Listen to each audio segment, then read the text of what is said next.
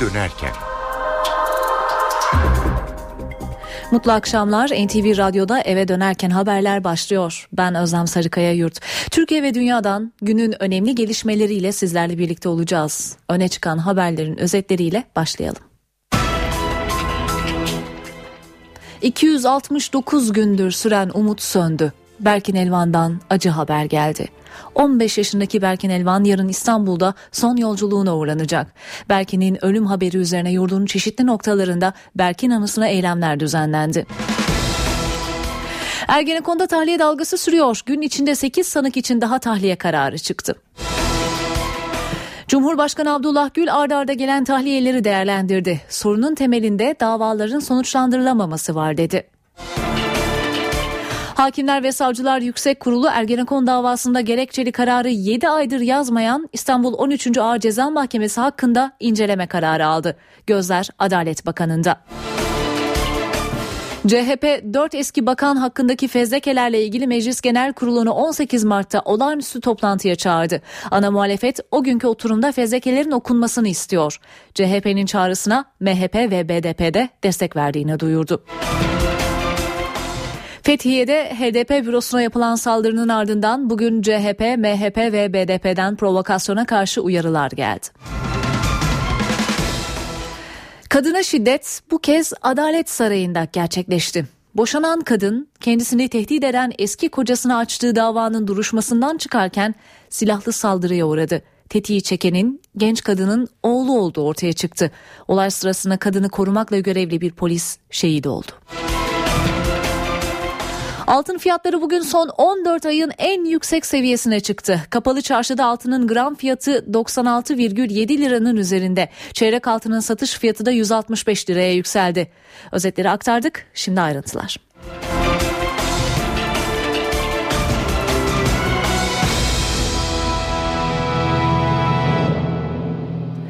...15 yaşındaki Berkin Elvan'dan gelen haberle başlayacağız. Berkin 269 gün önce Gezi Park eylemleri sırasında polisin attığı gaz fişeğiyle yaralandı. 269 gün umutla, dualarla uyanması beklendi ama olmadı. Berkin'in bu sabah hayata veda ettiği açıklandı. 269 gün boyunca komadaydı. 4 gün önce sağlık durumu ağırlaştı. 15 yaşındaki Berkin Elvan hayata veda etti. Berkin Elvan 16 Haziran günü evden ekmek almak için çıktı. Gezi Park eylemleri devam ediyordu polisin attığı biber gazı kapsülü başına isabet etti. O gün komaya girdi. 9 ay süren hastane sürecinde başta ailesi olmak üzere pek çok kişi Berkin'in yanındaydı. 15. doğum gününde hastanenin önünde arkadaşları vardı. Umutla uyanması beklendi. Ancak 4 gün önce Berkin'in sağlık durumuna ilişkin kötü haberler geldi. 15 dakika boyunca kalbi duran Berk'in akciğerinde hava deliği oluştu. Beyin fonksiyonları azaldı ve iç organlarındaki hasar büyüdü. Vurulduğunda 45 kilo olan Elvan 16 kiloya kadar düştü. Berkin Elvan hastanede hayatını kaybetti. Elvan ailesi ölüm haberini Twitter üzerinden verdi. Elvan'ın cenazesi yarın Ok Meydanı Cemevi'nde öğleyin yapılacak törenin ardından Feriköy mezarına defnedilecek. Berkin Elvan'ın ölüm haberini alanlar İstanbul'da Berkin'in yattığı Ok Meydanı Hastanesi'ne koştu. Burada toplanan kalabalık protesto gösterisi yaparak polis aracına taş attı. Polis biber gazıyla müdahale etti. Gün boyu başta Ankara, İstanbul, İzmir olmak üzere yurdun çeşitli noktalarından protesto gösterileri haberleri geldi. Ankara'da ODTÜ öğrencileri kalabalık bir grup halinde ODTÜ'den Kızılay'a yürüyüşe geçti. Polis dağılmayan kalabalığa müdahale etti. Son durumu Ankara'dan NTV muhabiri Gökhan Gerçek bizlere aktaracak. Gökhan son durum için seni dinliyoruz. Berkin Elvan için başkentte düzenlenen protesto gösterisinde sayının her geçen saat biraz da arttığını söyleyebiliriz. Bir kişiyle başladı. Bir vatandaş Berkin Elvan'ı sembolize eden bir ekmekle Güven Park'ın merdivenlerine geldi oturdu. O sayı şimdi binlerle ifade edebilecek düzeyde. Berkin Elvan'ın ölüm haberiyle birlikte sosyal medya üzerinden insanlar bir araya geldi. Daha çok üniversitelerde boykot çağrısı yapıldı. O boykot çağrısına uyan çok sayıda üniversitede de olay vardı. Olayların merkezi Ankara Üniversitesi ve Orta Doğu Teknik Üniversitesi ile ODTÜ'deki olaylar aslında başta öğrenciler yürüyüşe geçtiler. 5000-6000 kişilik öğrenci grubu Eskişehir trafiğe kapatarak Kızılay istikametine doğru yürüyüşe geçtiler ama 500-600 metre gittikten sonra tomalarla müdahale başladı. Biber gazı, toma ve zaman zaman da plastik mermiyle öğrenciler dağıtıldı. Tekrar kampüsün içerisine sokuldular. Ee, ama öğrenciler ve polisin şu saat itibariyle de karşı karşıya olduğunu ODTÜ'de söyleyebiliriz. Öğrenciler dışarı çıkmak istiyor. Polis barikat kurdu. Onların dışarı çıkmasına engel oluyor. Gerginlik ODTÜ'de sürüyor. Ankara Üniversitesi Cebeci kampüsünde de benzer görüntüler vardı. Yine öğrenciler sosyal medya üzerinden örgütlendiler. Dışarı çıkarak Kızılay'daki mitinge, eyleme destek vermek için geleceklerdi ama polis e, yine müdahale etti. Onların çıkmasına izin vermedi. Ancak olayların büyümesi üzerine polis çekildi ve e, Ankara Üniversitesi'nden Cebeci kampüsünden çıkan öğrenciler Kızılay'daki grupla birleşmeyi başardı. Evet, eylemin merkezinin Kızılay olduğunu söyleyebiliriz. Başkentin merkezi burası. E, zaman zaman gruplar Kızılay merkezini trafiğe kapatıyorlar. İşte biraz daha gerilim o saatlerde artıyor. Çünkü polisin kırmızı çizgilerden bir tane yolun trafiğe kapatılması. Bu nedenle anons yapıldı, uyarı geldi. Bunun üzerine eylemciler e, tekrar trafiği açtılar ama gerilim bir şekilde Kızılay merkezde başkentin göbeğinde de devam ediyor. Yaklaşık 11. saate girdik Berkin eyleminde Kızılay'da. Gökhan Gerçek teşekkürler.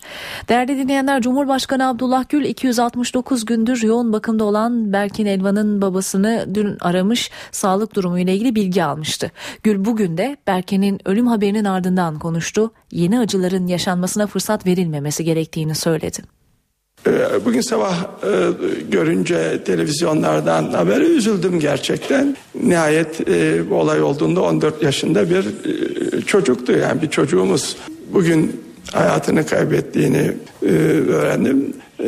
Bütün ailesine tabii başsağlığı diliyorum, acılarını paylaşıyorum. Bugün herhangi bir şekilde yeni bir olayın yaşanmaması için herkesin çok dikkatli olması gerektiğini, yeni acıların yaşanmasına hiç fırsat verilmemesi gerektiğini burada bir kez de altını çizmek isterim. Zaten dün de e, İstanbul Valisiyle de konuştum. Eminim ki gerekli dikkat hep gösterilecektir. Bir kez daha e, üzüntülerimi doğrusu paylaşmak isterim. Hükümetten ilk değerlendirme Ulaştırma Bakanı Lütfi Elvan'dan geldi. Son derece üzücü bir hadise. Bunu e, sağduyu içerisinde e, karşılamalıyız. CHP lideri Kemal Kılıçdaroğlu Berkin'in ölümünden siyasi iktidarı sorumlu tuttu. Kılıçdaroğlu başbakana Berkin'in ailesine başsağlığı dileyecek misin diye sordu. Gezi eylemlerini biliyorsunuz. Gencecik çocuklarımız, onların anneleri Taksim Parkı'nı korumak istediler. Küçük bir çocuk 15 yaşında Berkin Elvan ekmek almak için ekmek almak için dışarıya gidiyor. Ve bu çocuğumuz dün hayatını kaybetti. Ailesine başsağlığı diliyorum. Acaba bu baş çalan ailesine telefon edip başsağlığı diler mi? Emin olun dilemez. O çocuk 15 yaşındaydı. Evine ekmek götürüyordu. Ekmek almak için sokağa çıkmıştı. Ama onun hayatına son verdiler. O nedenle Türkiye'nin yaşadığı bu dramları hepimiz bilelim. O çocuk hepimizin çocuğu. Çocuğu olan annelere babalara sesleniyorum. 15 yaşında bir çocuğunuz hayatını kaybetse ekmek almak için onun ekmeğini elinden aldılar hayatına son verdiler. Bunu kabul etmemiz mümkün değil. BDP eş başkanı Selahattin Demirtaş da Berkin'in ölüm haberini alınca açıklama yaptı. Gezi direnişi sırasında gaz kapsülüyle yaralanan bir çocuk vardı Berkin Elvan. Aylardır tedavi görüyordu. Maalesef ki bugün vefat etmiş. Allah'tan rahmet diliyoruz. Ailesine de bütün yakınlarına başsağlığı diliyoruz. Bakın İstanbullular, İzmirliler, Bursalılar, Antalyalı, Trabzonlular, Ankaralılar. Görün işte bunları biz yıllarca yaşadık. Uğur Kaymazlar, Ceylan Önkollar aynen böyle tek tek katledildiler. 144 kişi sadece geçen yıl 144 kişi sadece geçen yıl sokaklarda meydanlarda katledildi. Biz ırkçı olmayacağız. Biz faşizme prim vermeyeceğiz. MHP Grup Başkan Vekili Oktay Vural da Berkin ekmek derdindeydi ona kıydılar diye konuştu.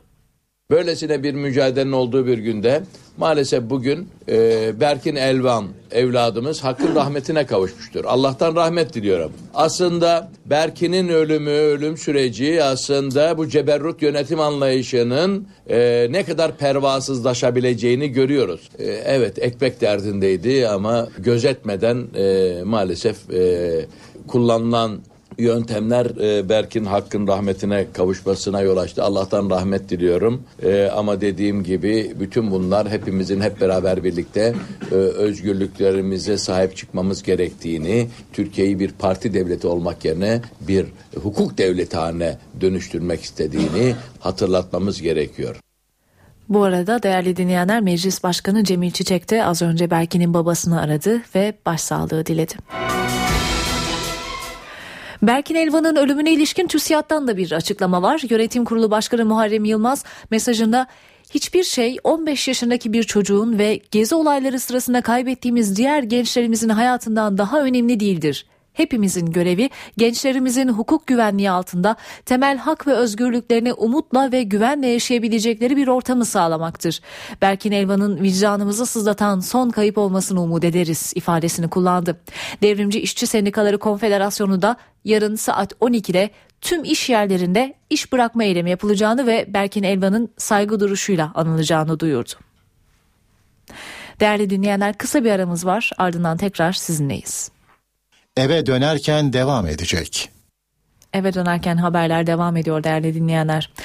Ergenekon'da tahliye dalgası sürüyor. Özel yetkili mahkemelerin kaldırılması ve tutukluluk süresinin 5 yıla düşürülmesinin ardından bugün 8 kişi için daha tahliye kararı çıktı. Böylece iki günde serbest kalanların sayısı 29'a yükseldi. Çağlayan Adliyesi'nden bugünkü tahliye notlarını NTV muhabiri Ilgaz Gürsoy aktaracak. Çağlayan'daki İstanbul Adliyesi'nde sabah saatlerinden bu yana tahliyeler sürüyor. Bugün de 10 kişinin tahliye talebi kabul edildi. Dün de 19 kişinin tahliye talebi kabul edilmişti. Şu ana kadar 29 kişinin tahliye talebi kabul edilmiş oldum. Kimler peki bunlar? En son gelen tahliyelere bakacak olursak birinci ağır cezadan bir süre önce kararlar çıktı. Fikret Emek, e, emekli binbaşı Fikret Emek için ve İsmail Yıldız için tahliye kararı çıktı. Onlar serbest kalacak. Peki diğer isimler kimler? Onları da hemen bakacak olursak e, paşaların bir kısmının e, e, tahliye edildiğini görüyoruz.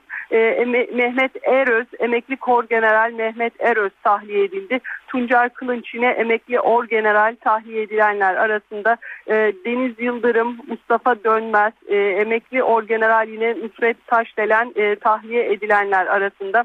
Sabah saatlerinde de emekli orgeneral Hurşit Tolon tahliye edilmişti. Ta- tahliye talebi kabul edilmişti. Ancak zirve yayın evi davasından Hurşit Tolon tutuklu olduğu için serbest kalamayacak. Ayrıca yine sabah saatlerinde iki kişinin daha tahliye talebi kabul edildi. Onlar da serbest kalacak. Durmuş Ali Özoğlu'yla Cumhuriyet Gazetesi'ne molotoflu saldırı sanığı Boğaç Kaan, Murat Han da serbest kalacaklar arasında. Ee, bir kişinin ise Semih Tufan Gül Altay'ın tahliye talebi reddedildi. Ee, Akın Gürdal suikastinin azmettiricisiydi. Semih Tufan Gül, Gül Altay 5 yılı doldurmadığı gerekçesiyle tutuklulukta. Ee, gerekçede böyle yazıyor baktığımızda 5 yıl doldurmadığı için onun tahliye talebi reddedildi. Peki bundan sonra akşam saatlerinde de e, devam ediyor görüşmeler. E, kimler var onu söyleyelim. İkinci Ağır Ceza Mahkemesi'nde Sevgi Eren Erol için görüşme sürüyor yine. E, yargının 8. Ağır Ceza'da da e, eski İstanbul Üniversitesi'nin eski rektörü Kemal Alemdaroğlu için yine e, görüşmeler e, sürüyor.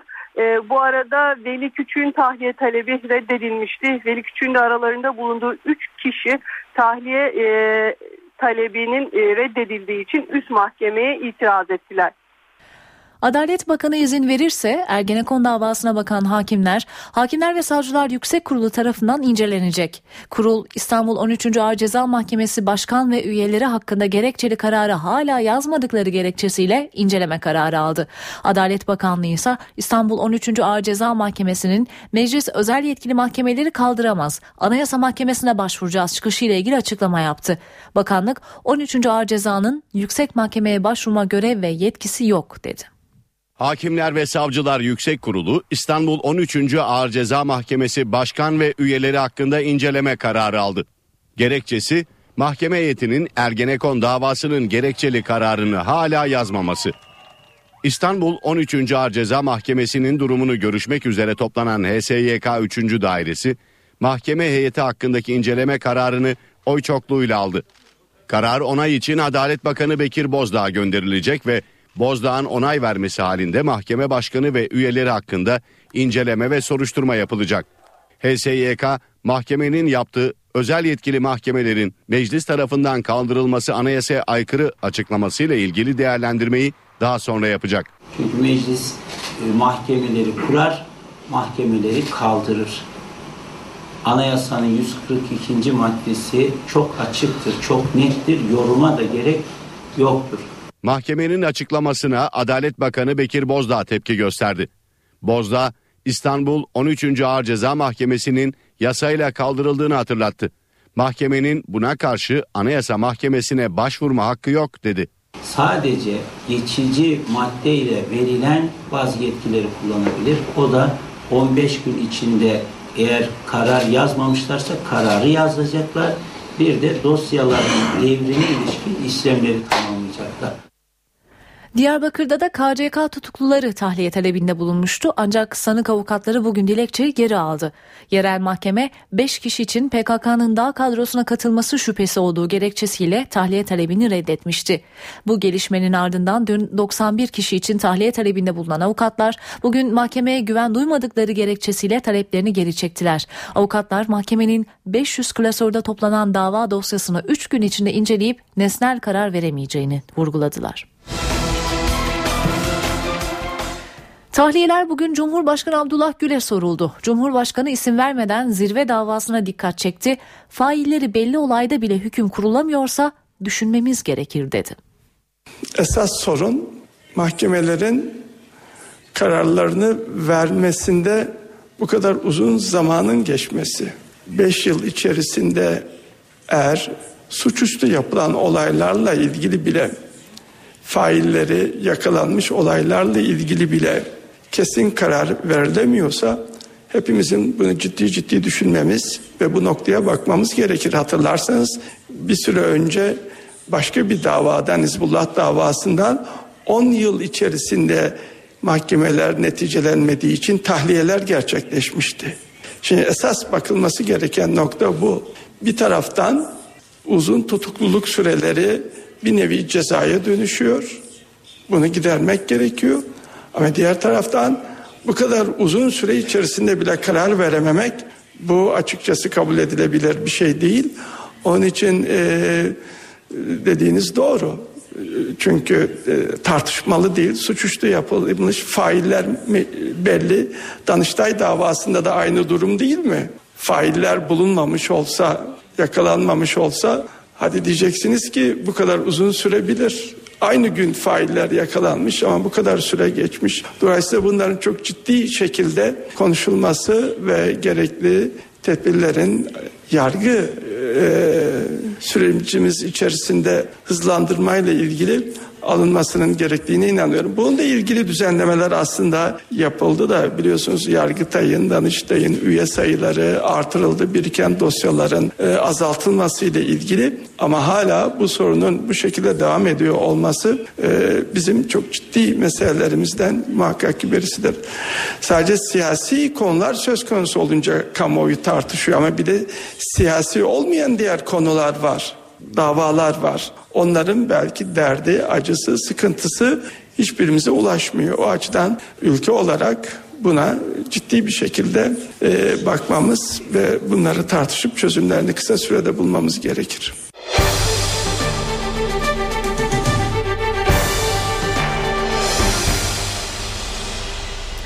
Çağlayan Adliyesi'nde bu sabah tahliye kararları beklenirken silah sesleriyle adliyenin önü karıştı.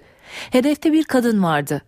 Açılan ateşle hem kadın hem de onu eski eşinden korumakla görevli polis memuru hayatını kaybetti. Tetiği çekenin ise kadının çocuğu olduğu ortaya çıktı. 20 yaşındaki oğul adliyede annesini ve koruma polisini öldürdü. Olay Çağlayan'daki İstanbul Adliyesi'nde yaşandı. 43 yaşındaki Hanime Aslan eşinden 3 yıl önce boşandı. Tehdit aldığı gerekçesiyle eski eşine dava açtı.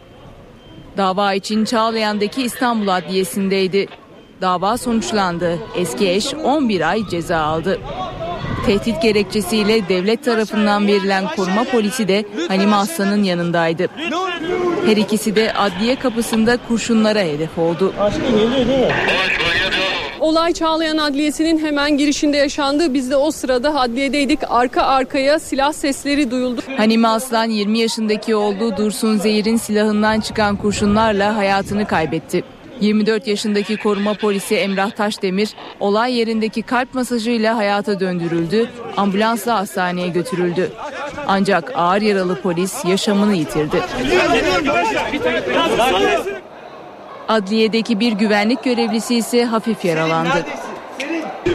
Olay esnasında 3 çocuk annesi Hanime Aslan'ın eski eşiyle küçük oğlu da adliyedeydi. Baba oğul büyük şok yaşadı. Katil zanlısı Dursun Zehir görevliler tarafından yakalanarak emniyete götürüldü.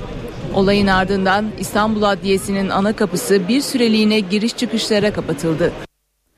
Tokat'tan da silahlı saldırı haberi geldi. Bir otomobile açılan ateş sonucu 5 kişi öldü.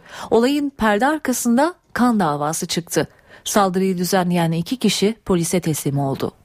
Kan davası yine katliam getirdi. Tokat'taki silahlı saldırıda 5 kişi yaşamını yitirdi. İddiaya göre 2 yıl önce hayvan otlatma meselesi yüzünden tartışan Yılmaz ve Bal aileleri arasında husumet başladı.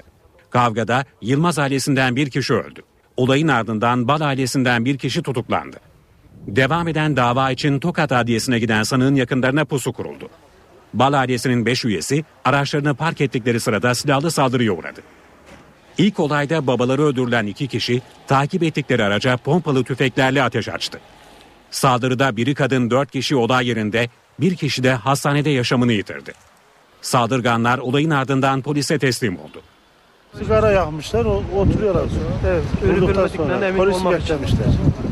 İki zanlının emniyetteki sorgusu sürüyor.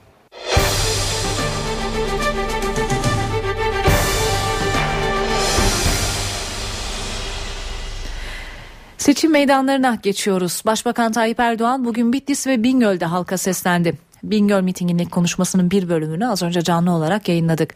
Bitlis'teki konuşmasındaysa Fethullah Gülen'i ülkeye ihanet etmekle suçladı. Başbakan Gülen cemaatine bir çağrıda da bulundu.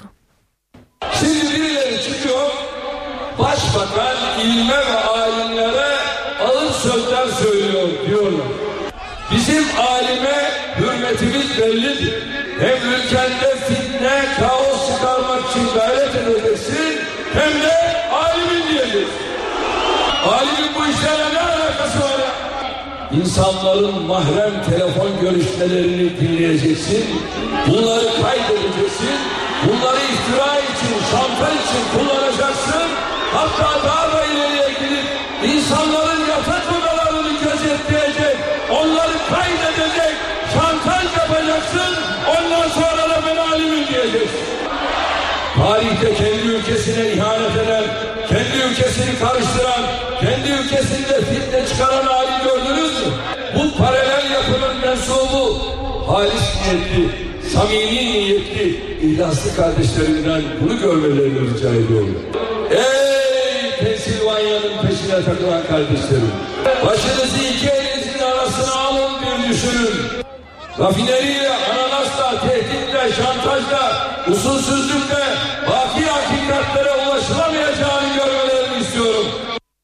CHP lideri Kemal Kılıçdaroğlu'nun bugünkü programında ise Çorum ve Amasya vardı. Düzenlenen mitinglerde konuşan Kılıçdaroğlu HDP'nin seçim bürolarının hedef alınmasına tepki gösterdi, provokasyon uyarısı yaptı. Ayrımcılık yok. Ayrılık ayrılık yok. Önce temiz siyaset. Önce ahlaklı siyaset. Siyasetin temiz olması için ahlak üzerinde yükselmesi lazım. Kişinin görüşü farklı olabilir. Herkes bizim gibi düşünmeyebilir. Buna saygı göstereceğiz. Şu seçim bürosu, bu seçim bürosu, saldırılar bunları da asla tasvip etmiyoruz. Düşünceye özgürlük diyoruz. Herkes düşüncesini söylemeli. Aradığım tek şart var. Siyasete giren adamın ahlaklı olması lazım. Bitti. Cumhuriyet Halk Partisi iktidarında ilk dört ayda ilk yapacağımız iş siyasi ahlak yasasını çıkarmak olacak. Siyasetin üstünde ahlak siyasetin üstünde yükselmeli. MHP Genel Başkanı Devlet Bahçeli bugün Tokat'taydı. 17 Aralık operasyonu üzerinden iktidarı eleştirdi. Başbakanı olayların üzerine gitmemekle ve yargıya müdahale etmekle suçladı. Bu diyor bana bir komplodur diyor. Arkasından gelişmeler oluyor. Bu bana diyor bir montajdır diyor.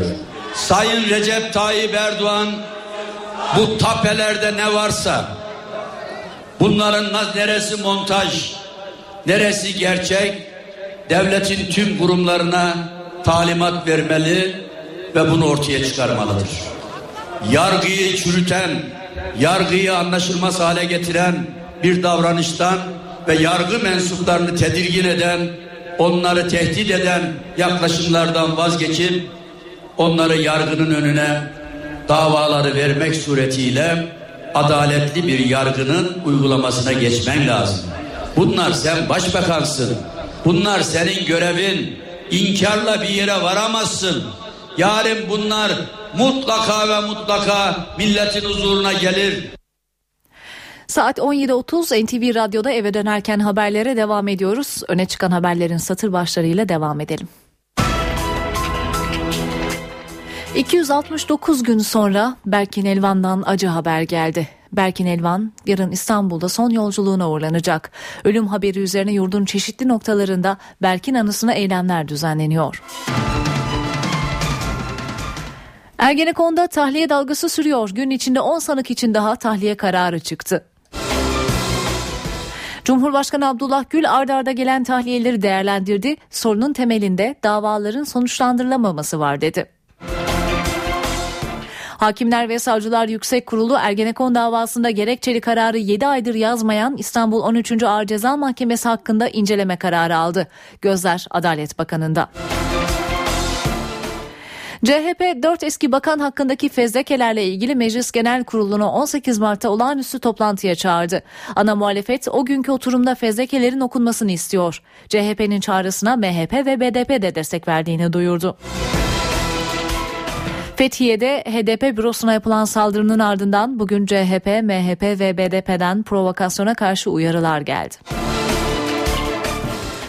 Kadına şiddet bu kez Adalet Sarayı'nda gerçekleşti. Boşanan kadın kendisini tehdit eden eski kocasına açtığı davanın duruşmasından çıkarken silahlı saldırıya uğradı. Tetiği çekenin genç kadının oğlu olduğu ortaya çıktı. Olay sırasında kadını korumakla görevli bir polis de şehit oldu. Altın fiyatları bugün son 14 ayın en yüksek seviyesine çıktı. Kapalı çarşıda altının gram fiyatı 76.96,7 liranın üzerinde. Çeyrek altının satış fiyatı da 165 liraya yükseldi. Özetleri aktardık. Haberlerle devam edeceğiz.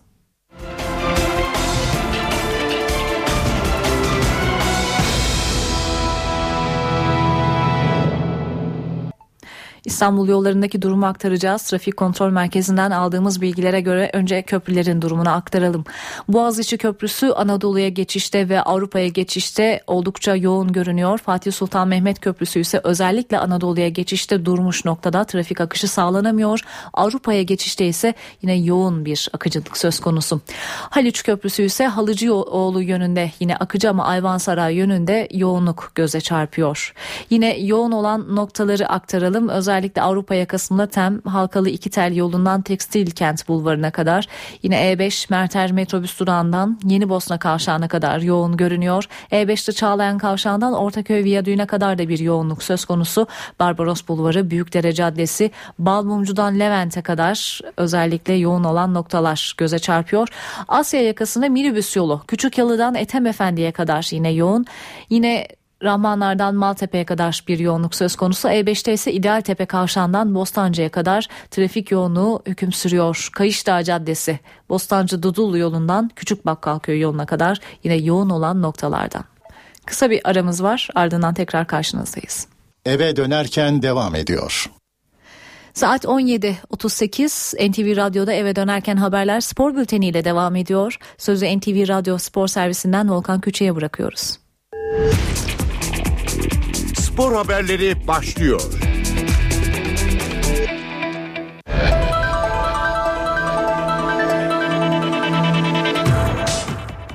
NTV Radyo Spor Bülteni ile karşınızdayız. Lig lideri Fenerbahçe ile Trabzonspor arasında oynanan maç tamamlanamadı. 10 dakika uzatılan karşılaşmanın ilk yarısının son dakikasında hakem Bülent Yıldırım soyunma odasına gitti ve maçı tatil etti. Spor Toto Süper Lig'de oynanan Trabzonspor Fenerbahçe maçı yarıda kaldı. Şehirdeki gerginlik karşılaşma öncesi başladı. Maç için kaldığı otelden ayrılan ve Hüseyin Avni Aker stadına hareket eden Fenerbahçe kafilesini ve yönetim kurulu üyelerini taşıyan otobüsler şehre girişte taşlı saldırıya uğradı. İşte bu gergin atmosferde başlayan karşılaşmanın henüz başında kale arkası tribünlerden Volkan Demirel'e atılan maytaplar ve ses bombaları nedeniyle oyun kısa süre durdu. 23. dakikada Fenerbahçe Emenike'nin attığı golle 1-0 öne geçti. Gol sonrası başlama vuruşu yapılmadan bu kez yine Volkan'ın koruduğu kalenin arkasındaki tribünlerden sahaya aralarında bir büyük taşın da olduğu maddeler atıldı. Oyun bu kez 6-7 dakika kadar durdu. Hakem Bülent Yıldırım ilk yarıya 10 dakika eklerken 45 artı 9. dakikadaki olaylar maçın tatil edilmesine neden oldu. Volkan'ın bulunduğu kalenin arkasındaki koruyucu fileleri taşıyan direklerden biri kırıldı ve sahaya yine yabancı maddeler atıldı. Bunun üzerine hakem Bülent Yıldırım yardımcılarıyla birlikte soyunma odasına gitti. Yıldırım kısa süre sonra maçı tatil etti. Karşılaşmanın akıbetiyle ilgili son kararı Futbol Federasyonu Yönetim Kurulu verecek. Trabzonspor Başkanı İbrahim Hacı Osmanoğlu çıkan olaylar nedeniyle tatil edilen Fenerbahçe maçının ardından basına konuştu. Yaşananların üzücü olduğunu ifade eden Başkan Hacı Osmanoğlu mazeret üretmemiz gerekiyor. Daha dikkatli olmalıyız. Yaşananlardan herkes ders alsın dedi. Geri dönük yıllara baktığınız zaman da ne kadar ortam gerildiyse bundan Trabzonspor zarar gördü.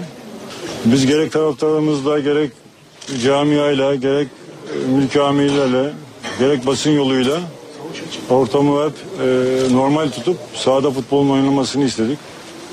Oyuncu kardeşlerimize de aynı şeyi söyledik. Onları da buradan tebrik ediyorum. Maça iyi başladılar. Güzel futbol oynuyorduk. Bize yakışmayan şeyler oldu. Biz seyircimizin takımını desteklemesini istiyorduk. Takımını destekleseydiler buradan Fenerbahçe galibiyetiyle şimdi ayrılıyor olacaktı. Üzgünüz bunların yaşanmaması gerekiyor. Bu yaşananlara mazeret üretmemiz gerekmiyor. Daha dikkatli olmalıydık. Eğer taraftarın aslı sahibi olan tara taraftarlarımız takımına sahada destek olsaydı, olmuş olsaydı bugün burada ne buraya misafir olan gelen takım ne de Türk futbolu Trabzon şehrini bu şekilde konuşmazdı. Türk futbolunun bu noktaya götürenler de bundan ders alsın. Bizim taraftarımız da bundan ders alsın. Sahada mücadele edip Trabzonspor'un haklı bir galibiyet alıp Trabzonspor sevdalılarının dünyadaki Trabzonspor sevdalılarını sevindirmesini istiyorduk.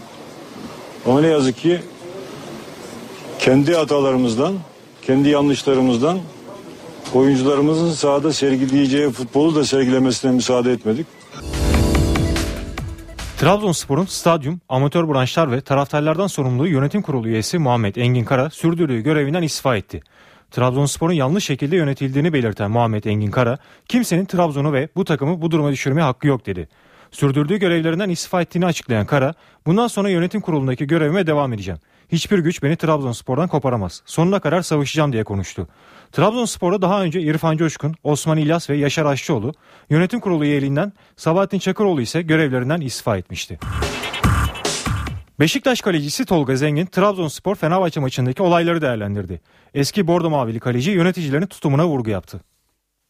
Üzücü olaylar futbol sahasında yaşanması gereken olaylar ama sadece olaya tek taraflı bakmamak lazım. Ne olursa olsun tabii ki hiçbir şey hiçbir şey mazeret haklı göstermez ama insanların ister istemez bir birikimleri de var. Onun tepkisi bu değildir. Daha medeni şekilde davranılabilir ama oradaki insanlara düşünmek lazım. Nasıl karşı tarafı düşünüyorsanız bir e, o futbol sahasında sadece futbol oynanması lazım. Geri kalan işlerin sahada dışarıda hallolması lazım. Ama futbol sahasında sadece futbol oynanmalı bu bir gerçek.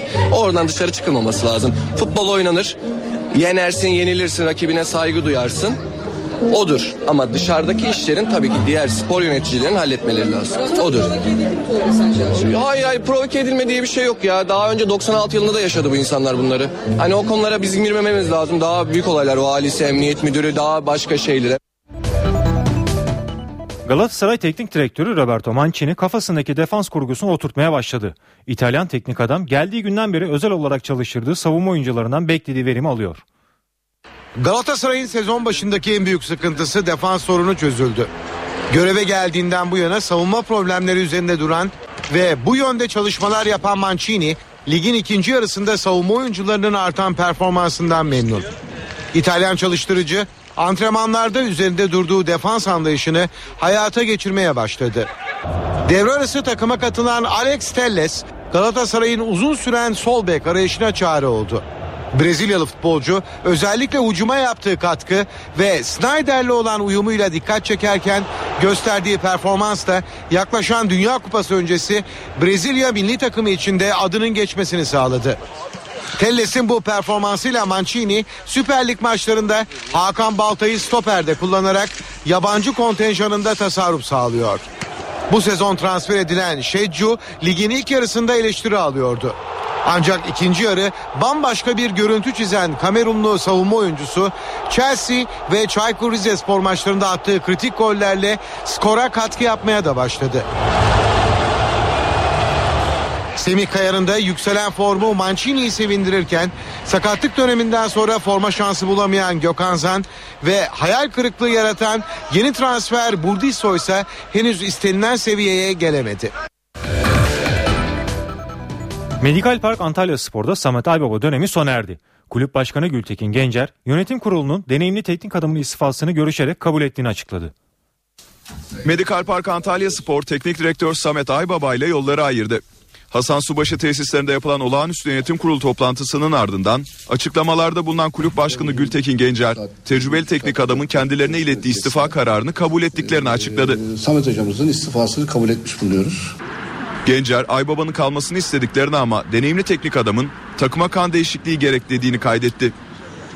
İstifanın geç kalınmış bir karar olmadığını da kaydeden Gültekin Gencer, ikinci yarı takdir edilen transferleri yaptık. Hocanın istediği transferlerdi. Olmadı mı olmuyor. Çaykur Rize maçını kazansaydık burada olmazdık diye konuştu. Gencer, Samet Aybaba'nın boş mukaveleye imza attığını, herhangi bir tazminat maddesi olmadığını da sözlerine ekledi. Antalya Spor Başkanı yeni teknik direktörün bu hafta içinde netleşeceğini açıkladı. Medikal Park Antalya Spor Samet Aybaba ile Süper Lig'de 24 maça çıktı. 5 galibiyet, 10 beraberlik, 9 mağlubiyet alan Aybaba, Zira Türkiye Kupası'nda başarılı bir grafik çizdi. 10 maçta 7 galibiyet, 3 beraberlik alan Aybaba, hazırlık karşılaşmalarında ise 2 mağlubiyet, 1 galibiyet elde etti. Bu arada yönetim kurulu toplantısının yapıldığı saatlerde tesislere gelen taraftarlar için çevik kuvvet ekipleri önlem aldı. Başkan Gültekin Gencer'in açıklamasının ardından taraftarlar olaysız şekilde ayrıldı. Brezilyalı futbol efsanesi Pele 2014 Dünya Kupası'nı değerlendirdi. Milli takımı zor bir turnuvanın beklediğini söyleyen Pele'nin gönlünden finalde Fransa'yı yenmek geçiyor. Küresel yolculuğunu sürdüren Dünya Kupası'nın son durağı Fransa'nın başkenti Paris'ti. Paris'te kupayı çok özel bir isim. Brezilyalı futbol efsanesi Pele de ziyaret etti. Brezilyalıların 1950 Dünya Kupası'nı kaybetmenin acısını hala yaşadıklarını vurgulayan efsanevi eski futbolcu. 2014'te halkının bu kez mutluluktan ağlamasını umuyor. 1950 Dünya Kupası finalinde Uruguay bizi 2-1 yendiğinde 9 yaşındaydım.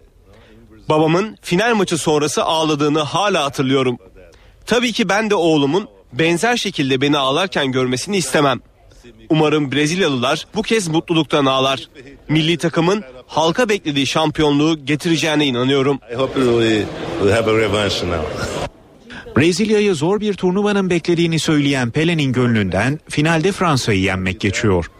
Mavilerin Dünya Kupalarındaki son 3 maçlarında kendilerini yendiğini hatırlatan Pele, onlardan bu maçların rövanşını alarak şampiyonluğa ulaşmak harika olurdu diye konuştu.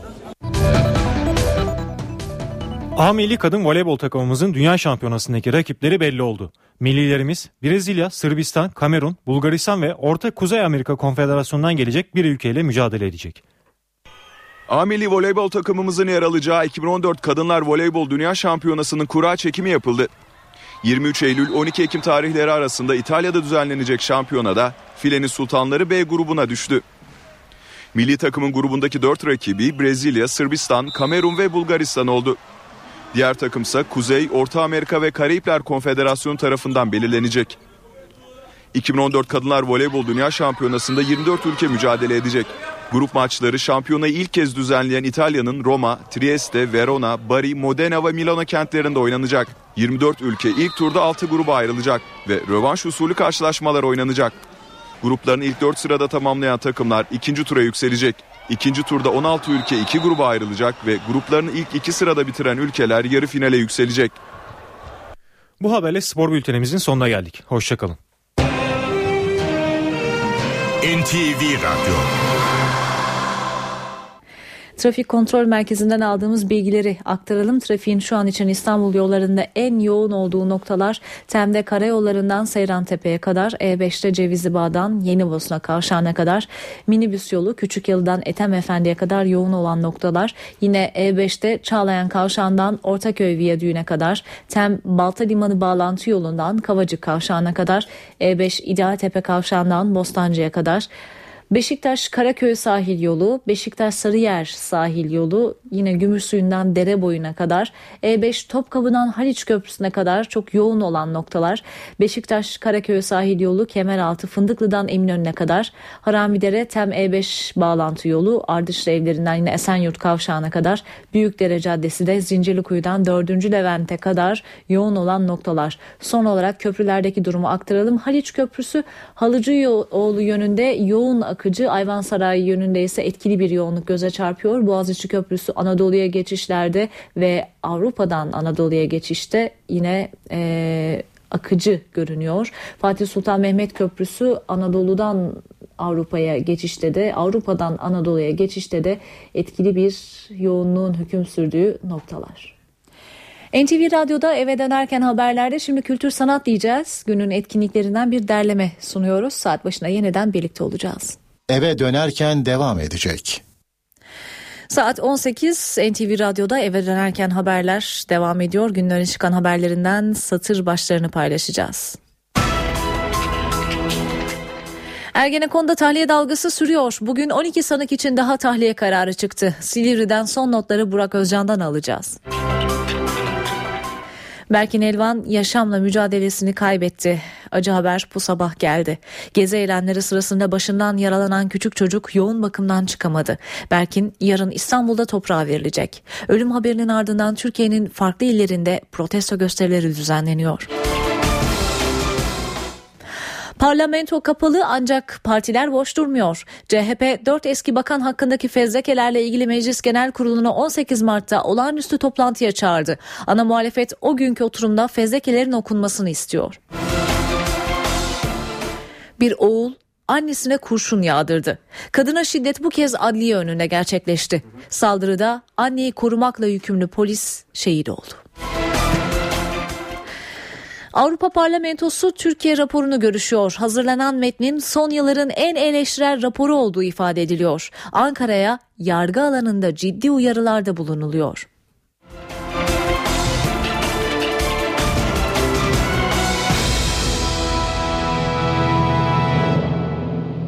Özetlerin ardından bir bağlantıyla devam edeceğiz. Ergenekon davasında tahliyeler sürüyor. Bugün 12 sanık için tahliye kararı çıktı. Eski rektör Kemal Alemdaroğlu, yazar Ergün Poyraz, eski MGK Genel Sekreteri Emekli Orgeneral Tuncer Kılınç, Nusret Taşdeler, Hurşit Tolan, Boğaç, Boğaçkan Murathan, Mehmet Eröz, Fikret Emek, İsmail Yıldız, Deniz Yıldırım, Mustafa Dönmez ve Durmuş Ali Özoğlu serbest bırakılmasına karar verilen isimler arasında. Tahliye kararlarının ardından sanıklar Silivri cezaevinden teker teker salı veriliyor. NTV muhabiri Burak Özcan Silivri cezaevi önünde ve şu anda telefon attığımızda. Burak son durum için seni dinliyoruz.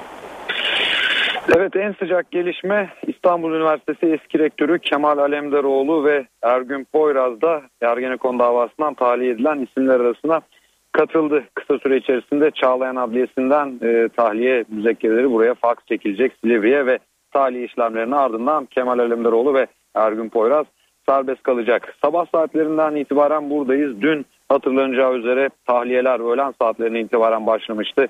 Gazeteci Tuncay Özkan, İşçi Partisi lideri Doğu Perinçek, e, eski 1. Ordu Komutanı Hasan Irsız aralarında bulunduğu 19 kişi tahliye edilmişti dün. Bir kısmı tahliye dilekçelerinin görüşülmesinin bir kısmına da bugün devam edildi Çağlayan Adliyesi'nde. Siz de tahliye edilen isimleri saydınız. Sabah saatten itibaren buradayız dedik. Tabii tahliye edilenlerden kimisi burada durdu. Ee, Silivri cezaevinin önünde durdu ve sorularımızı yanıtladı. Kimisi aracıyla ayrılmayı tercih etti. Duranlar arasında eski Milli Güvenlik Kurulu Genel Sekreteri emekli Orgeneral Tuncer Kılınç vardı. Yaklaşık bir saat kadar önce buradaydı Tuncer Kılıç. Ne dedi? Türkiye'nin çevresinde Ukrayna'da, Suriye'de yaşananları görüyoruz. Bunlar bizi endişelendiriyor. Ülkemizin geleceği açısından endişelendiriyor. Biz Kemalist insanlarız. Halkımızın da bu doğrultuda yürümesini istedik ancak halkımızı çağın dışına çıkarmak isteyenler var dedi. Yine Ergenekon davasında müebbet hapis cezası alan emekli kor general Mehmet Eröz de bugün tahliye edilen isimler arasındaydı. O da bir buçuk saat kadar önce Silivri cezaevinden ayrıldı. Çıkışta o da kısa bir açıklama yaptı ve kor general rütbesinde görev yapmış bir kişinin söylediklerine inanılmadı. Mahkemeye sunduğumuz belgelere inanılmadı. Düzmece delillere inanıldı. İçeride bıraktığım arkadaşlarım için yüreğim yanıyor dedi ve bugün sabah saatlerinde hayatını kaybettiğini öğrendiğimiz Berkin Elvan'ın ailesine de başsağlığı diledi. Tahliye edilen ve sorularımızı yanıtlayan isimlerden birisi de yayın evi sahibi Durmuş Ali Özoğlu'ydu ki o da en uzun süre tutuklu kalan isimlerden biriydi. 2014 gündür cezaevindeydi ve çıkışta şu açıklamaları yaptı. Silivri cezaevinden çıkıyor olmam bana çok mutluluk vermiyor ve e, bu açıklamanın ardından da hem Çağlayan Adliyesi'nde bugün yaşanan cinayet olayına hem de Berkin Elvan'ın hayatını kaybetmesine atıfta bulundu. Kadınların ve çocukların can güvenliğinin olmadığı ülkede hapishanede olmak daha güvenliydi dedi. Başta da söylediğimiz gibi tabii e, şunu eklemek lazım. Orgeneral Hurşit Tolon bugün tahliye kararı alınan isimlerden birisi. Yalnız altını çizelim ki zirve yayın evi cinayeti kapsamında da tutuklu bulunduğu için Orgeneral Hurşit Tolon cezaevinden çıkamayacak. Dün 7 red kararı vardı aralarında Veli Küçük'ün de bulunduğu. Bugün de bir red kararı var. E, o tahliye dilekçesi reddedilen isim Semih Tufan Gülaltay ancak dünkü red kararlarıyla ilgili bir de gelişme var. Onu da anlatalım. E, Veli Küçük'ün de aralarında bulunduğu 3 kişinin tahliye dilekçesi dün tutukluluk süresinin 5 yılı geçmediği gerekçesiyle reddedilmişti. Veli Küçük 4. Ağır Ceza Mahkemesi'ne itiraz etti. Yine Levent Arsöz ve Sardar Öztürk'ün avukatları da itiraz dilekçesini İstanbul 4. Ağır Ceza Mahkemesi'ne sundular. Dün tahliye dilekçesi reddedilen isimlerden Hasan Ataman Yıldırım, Mehmet Bedri Gültekin, Erkan Önsal ve Turhan Özlü'nün avukatları da itiraz edeceklerini belirttiler. Genel tabloya baktığımız zaman Ergenekon davasında son iki günde toplamda 31 tahliye 8'de red görüyoruz. Şu an artık e, tahliye dilekçesi karara bağlanmayan isimler kim diye baktığımızda da Sevgi Eren Erol ve Aykut Şükbey'i görüyoruz. Önümüzdeki saatlerde de muhtemelen bu iki isim hakkındaki tahliye dilekçesi de bu iki ismin verdiği tahliye dilekçesi de karara bağlanacak. Pekala Burak Özcan'a teşekkür edelim ve tahliyeler üzerine hükümetten gelen değerlendirmeyi aktaralım. Enerji Bakanı Tener Yıldız, Türkiye'de zaman zaman yasama, yürütme ve yargının bir sınavdan geçtiğini belirtti. Şu anda hukuk sistemi sınav veriyor dedi. Demokratikleşme ile alakalı sürecin devam ettiği Türkiye'de zaman zaman yasama, yargı ve yürütme farklı sınavlar veriyorlar. Şu anda sınava e, giren ve sınavdan geçen de hukuk sistemidir. Zaman zaman ülkelerimizde bir konunun kanuni mi, hukuki mi yoksa doğru mu olduğu ile alakalı e, kamu vicdanında sürekli bir tartışma vardır. Şu anda tartışılan e, Ergenekon'un suç ve e, niteliğini tartışmaya açmıyor. Usulüyle alakalı tartışmaya açıldı. İster siyasi konular olsun, isterse Ergenekon balyoz ama bunun dışındaki devam eden bütün davalara da dikkat çekeceğimiz suçlu ve suçsuzun ayrıştırılmasıyla alakalı konudur. Bu adalete olan güvenimizi sağlayacak olan asıl bu konudur. 15 yaşındaki Berkin daha fazla mücadele edemedi ve hayatını kaybetti. Berkin 269 gün önce Gezi Parkı eylemleri sırasında polisin attığı gaz fişeğiyle yaralanmıştı. 9 ay umutla, dualarla uyanması beklendi ama olmadı. Berkin'in bu sabah hayata veda ettiği açıklandı ve haberin ardından Türkiye'nin birçok ilinde protesto gösterileri düzenlendi. 269 gün boyunca komadaydı. 4 gün önce sağlık durumu ağırlaştı.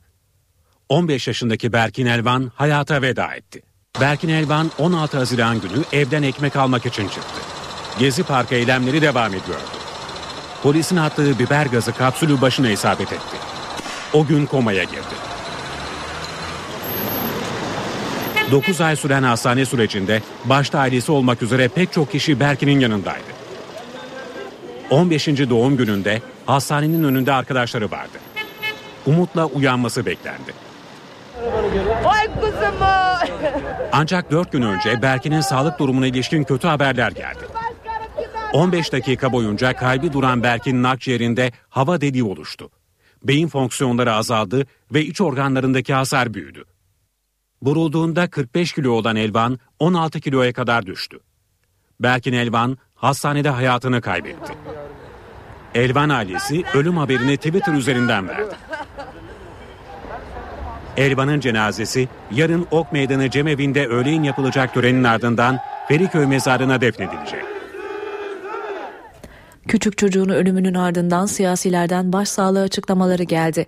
Cumhurbaşkanı Abdullah Gül 269 gündür yoğun bakımda olan Berkin Elvan'ın babasını dün aramış, sağlık durumuyla ilgili bilgi almıştı. Gül bugün de Berkin'in ölüm haberinin ardından konuştu. Yeni acıların yaşanmasına fırsat verilmemesi gerektiğini söyledi. Meclis Başkanı Cemil Çiçek Berkin Elvan'ın babasına başsağlığı mesajı gönderdi. Ulaştırma Bakanı Lütfi Elvan da gerçekten çok üzüldük. Bu tür olayların hiçbir şekilde tekerrür etmemesini diliyoruz dedi.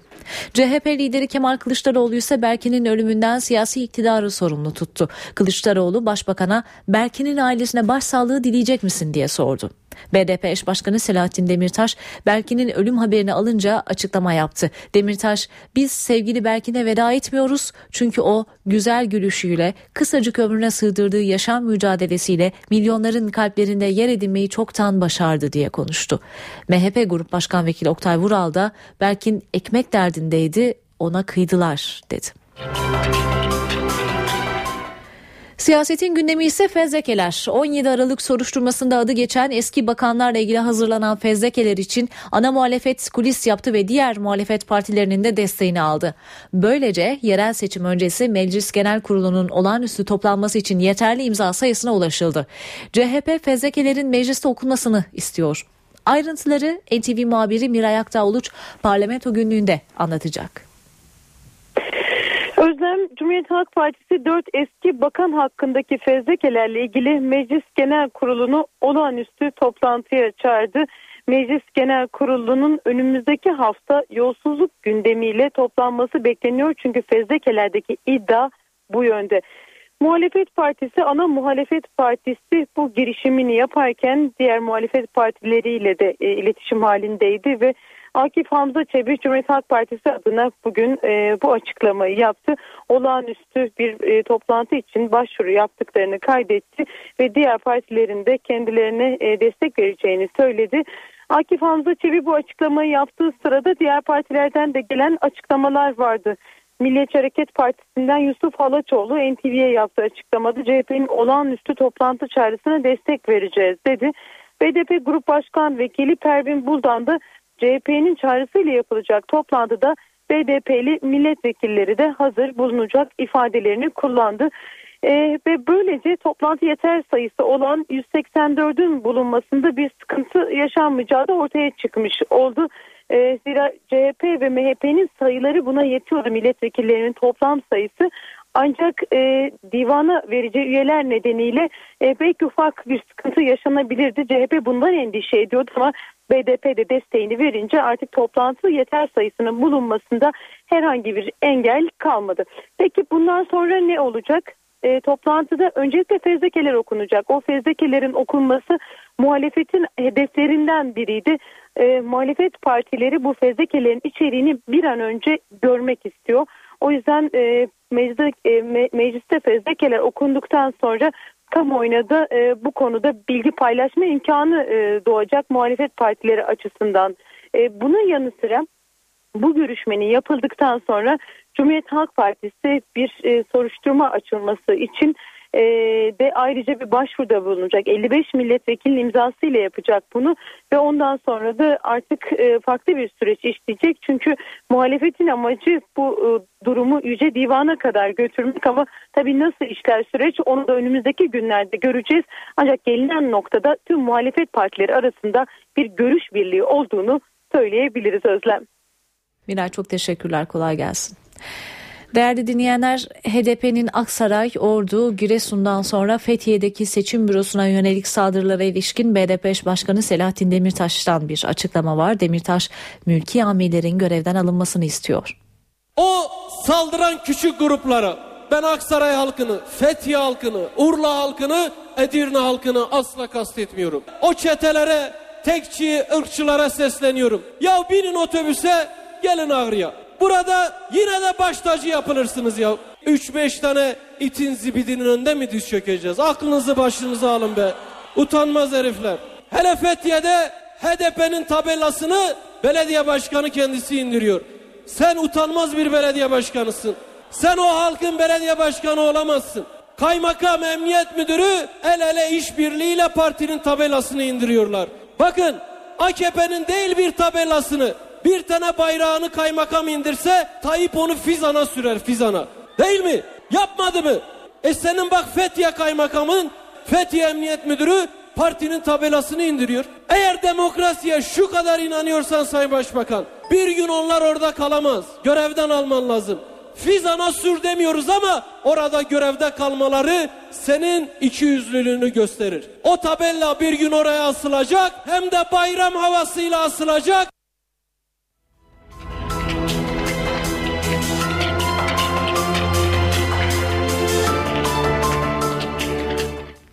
Şimdi kısa bir reklam aramız var ardından tekrar sizlerleyiz. Eve dönerken devam edecek. Saat 18.18 haberlere devam ediyoruz. Aydın'ın Kuşadası ilçesinden gelen bir haberi aktaracağız. Çevre yolu yapımı sırasında patlatılan dinamitlerle bazı binalar hasar gördü. Ev ve iş yerlerinin camlarının kırılması sonucu 10 kişi yaralandı. Son durumu ilçe belediye başkanı Esat Altıngün NTV yayınında aldı, anlattı. Altıngün yol yapımını üstlenen firmayı suçladı. Bu patlamada 10 kişiye yakın vatandaşımız yaralandı. İki polis memurumuz, bir zabıta memurumuz, çocuk ve gençlerimiz olmak üzere ona yakın yaralımız var. Allah çok şükür kayda değer ciddi bir yaralanma yok. Herhangi bir cana mal olacak çerçevede yok ama ciddi boyutta araç, ev, binalar, itfaiye binası, emniyete ait bina, ticaret odası bu anlamda ciddi zarar gördü. Bugüne kadar ilk yapılan dinamit patlatılması değil ama zannediyorum bugünkü görevli arkadaşın çok önemli bir ihmalinden dolayı anlamsız bir üzüntü yaşadık. Allah korudu diyebilirim. İlk patlama değil. Daha önce de benzer patlamalar yapıldı. Zaten karayolları bu konularda en tecrübeli müdürlüklerden biri. Yani bu ihmalin büyük ihtimal savcılık araştırması başladı. Emniyet araştırmayı başlattı. Cumhuriyet Başsavcılığı da gerekli çalışmalara, araştırmalara başladı. İhmali olan kişiler kesinlikle ortaya çıkacaktır. Burada büyük ihtimal sorumlu arkadaşın bir anlık ihmalidir bu ama bu bir anlık ihmal Kuşadası'na ciddi şekilde özellikle yerleşim binalarına, ticaret odasına, karşıdaki emniyet ve itfaiye binasıyla birlikte birçok vatandaşımızın araçlarına ciddi zarar verdi. Çağlayan Adliyesi'nde bu sabah tahliye kararları beklenirken silah sesleriyle adliyenin önü karıştı. Hedefte bir kadın vardı. Açılan ateşle hem kadın hem de onu eski eşinden korumakla görevli polis memuru hayatını kaybetti. Tetiği çekenin ise kadının çocuğu olduğu ortaya çıktı. 20 yaşındaki oğul adliyede annesini ve koruma polisini öldürdü. Olay Çağlayan'daki İstanbul Adliyesi'nde yaşandı. 43 yaşındaki Hanime Aslan eşinden 3 yıl önce boşandı. Tehdit aldığı gerekçesiyle eski eşine dava açtı. Dava için Çağlayan'daki İstanbul Adliyesi'ndeydi. Dava sonuçlandı. Eski eş 11 ay ceza aldı. Tehdit gerekçesiyle devlet tarafından verilen koruma polisi de Hanime Aslan'ın yanındaydı. Her ikisi de adliye kapısında kurşunlara hedef oldu. Olay Çağlayan Adliyesi'nin hemen girişinde yaşandı. Biz de o sırada adliyedeydik. Arka arkaya silah sesleri duyuldu. Hanime Aslan 20 yaşındaki oğlu Dursun Zehir'in silahından çıkan kurşunlarla hayatını kaybetti. 24 yaşındaki koruma polisi Emrah Taşdemir olay yerindeki kalp masajıyla hayata döndürüldü, ambulansla hastaneye götürüldü. Ancak ağır yaralı polis yaşamını yitirdi. Adliyedeki bir güvenlik görevlisi ise hafif yaralandı. Olay esnasında 3 çocuk annesi Hanime Aslan'ın eski eşiyle küçük oğlu da adliyedeydi. Baba oğul büyük şok yaşadı. Katil zanlısı Dursun Zehir görevliler tarafından yakalanarak emniyete götürüldü. Olayın ardından İstanbul Adliyesi'nin ana kapısı bir süreliğine giriş çıkışlara kapatıldı. Şimdi başkent Ankara'ya gideceğiz. Kızılay Meydanı'nda Berkin Elvan'ın ölümü nedeniyle eylem düzenleyen gruba polisin müdahalesi var. Son durumu hemen öğrenelim. NTV muhabiri Gökhan Gerçekten. Gökhan. Evet, Berkin Elvan'ın ölümünü protesto için sabah saatlerinden bu yana başkentin merkezinde Güven Park'ta oturma eylemiyle başladı vatandaşlar tepkilerini göstermeye. E, saatler ilerledikçe o kalabalık arttı. E, 5000 bin kişi ulaştı ve akşam saatlerinde polisin tomalı biber gazlı müdahalesi geldi. Gerginliğin devam ettiğini söyleyebiliriz. Büyük grup dağıtıldı ancak ara sokaklara Gazi Mustafa Kemal Paşa Bulvarı, Atatürk Bulvarı ve Ziya Gökalp Caddesi istikametine doğru kaçan vatandaşlar, dağıtılan vatandaşlar tekrar bir araya geliyorlar. Bir araya geldikçe de istikametleri burası proteston merkezi Kızılay oluyor. Ee, ambulans seslerinin tomaların, trenlerin seslerine karıştığını şu saatlerde söyleyebiliriz. Yaralı var mı yok mu bilmiyoruz ama olay yerinde tedbiren 3 e, adet ambulansta bekletiyor şimdilik Kızılay merkezinden e, belki Erman protestosu sonrası gelişen e, yaşananlara ilişkin anlatacaklarımız bunlar. Gökhan gerçek teşekkürler. Değerli dinleyenler Şanlıurfa'da babasının elektrik faturası borcunun ödenmesi karşılığında evlendirmeye karar verdiği 14 yaşındaki Güler'e devlet sahip çıktı. Kalp ve böbrek rahatsızlığı nedeniyle çalışamayan baba Ahmet Ay 8 bin liralık elektrik borcunu ödeyemediği için evine haciz gelince bu borcu başlık parası sayıp 14 yaşındaki kızı Güler'i evlendirmeye karar vermişti.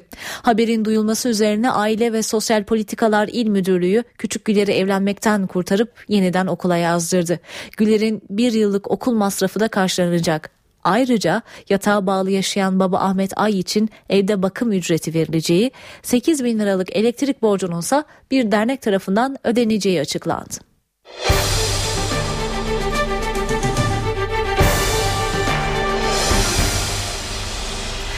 Sanayi Bakanı Nihat Zeybekçi Ocak ayı sanayi üretim rakamlarını değerlendirdi. Zeybekçi ihracat sayesinde sanayi çarkları hızlandı dedi. Sanayideki çarkların hızlanmaya başlaması, sanayideki üretimin artması bu doğrudan bizim için tek bir sebebi var. İhracattaki artışa dayalı bir artıştır bu.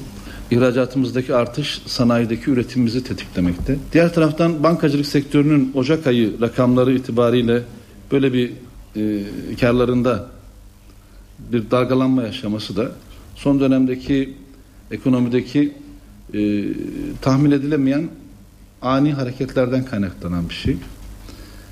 Ee, kurun artışı da bunda önemli bir etken oldu ama e, bu Mart itibariyle Mart Nisan ondan ondan sonra da artık stabil hale gelen para piyasaları ve faiz piyasalarıyla e, daha dengeli hale geleceğini düşünüyoruz. Ama şunu da altını çizmek istiyoruz tabi. Türkiye Merkez Bankası'nın şu anda e, politikalarını biz olumlu buluyoruz ama faizin Türkiye'de üretim için, Türkiye'de yatırım için, Türkiye'de istihdam için ve Türkiye'de tüketim için yüksek faizi e, Türkiye'nin menfaatleri için iyi görmüyoruz.